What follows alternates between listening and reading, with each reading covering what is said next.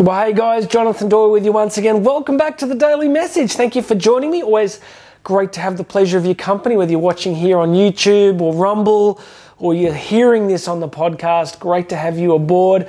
As always, please make sure you're subscribed. Hit that subscribe button and grab yourself a free copy of my book, Bridging the Gap. There will be a link here, and there are also links to my speaking and coaching pages if you want to find out about how to book me to speak at an event or personal coaching with me. Check out the links today. We're going to talk about a great quote from Abigail Adams, one of the women writing around the time of the American War of Independence, the Revolutionary War. I love this. She reminds us about why we're here. Let's do it. It's never too late to get back on your feet. Though we won't live forever, make sure you accomplish what you were put here for. All right, two parts to this that I really like. One is that we are going to get knocked down. We are going to have seasons in life when things are really difficult and we forget who we are and why we're here. But if we push through it, we'll discover that we are here for a reason. I love that second part this idea that we might have been put here for a specific purpose.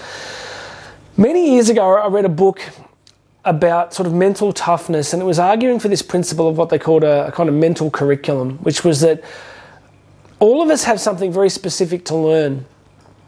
And it'll be different for each of us. And life is going to keep serving up lessons until we get that curriculum down and we understand what it is that we're trying to be taught, that what life's trying to teach us. So there's a there's a twin component here. Life's always trying to teach us stuff if we're attuned and aware. And second, that what about the possibility that each of us individually is specifically here to do something? I talk about this quite regularly on the show because if we're not, then life's truly random and we're free to just go around and do whatever we want, and many people probably approach life that way. But if you're here for a specific purpose, then it would make sense that discovering it and living in it would bring you the greatest satisfaction and would be the greatest blessing to the people around you, right? So, therefore, finding a sense of purpose is really significant. And then, even if you get knocked down on that journey of purpose, you've always got time to get back up. You have enough time to get back up until you're not drawing breath anymore. That's literally when the game ends, right? At least in this incarnation of the game. But until that happens, you're never out of the fight.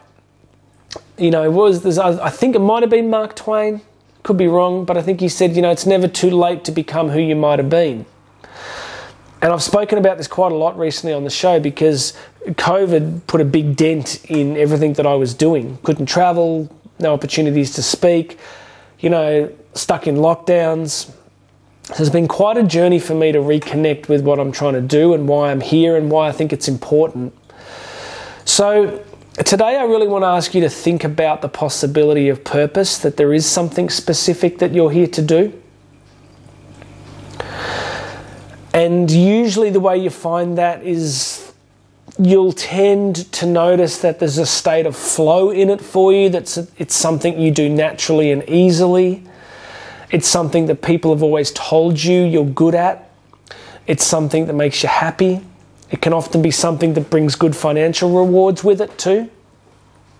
So think about these things and if even if you don't feel that you've found it just yet and you feel that you've been knocked around a fair bit by life, you do have the opportunity to keep getting up.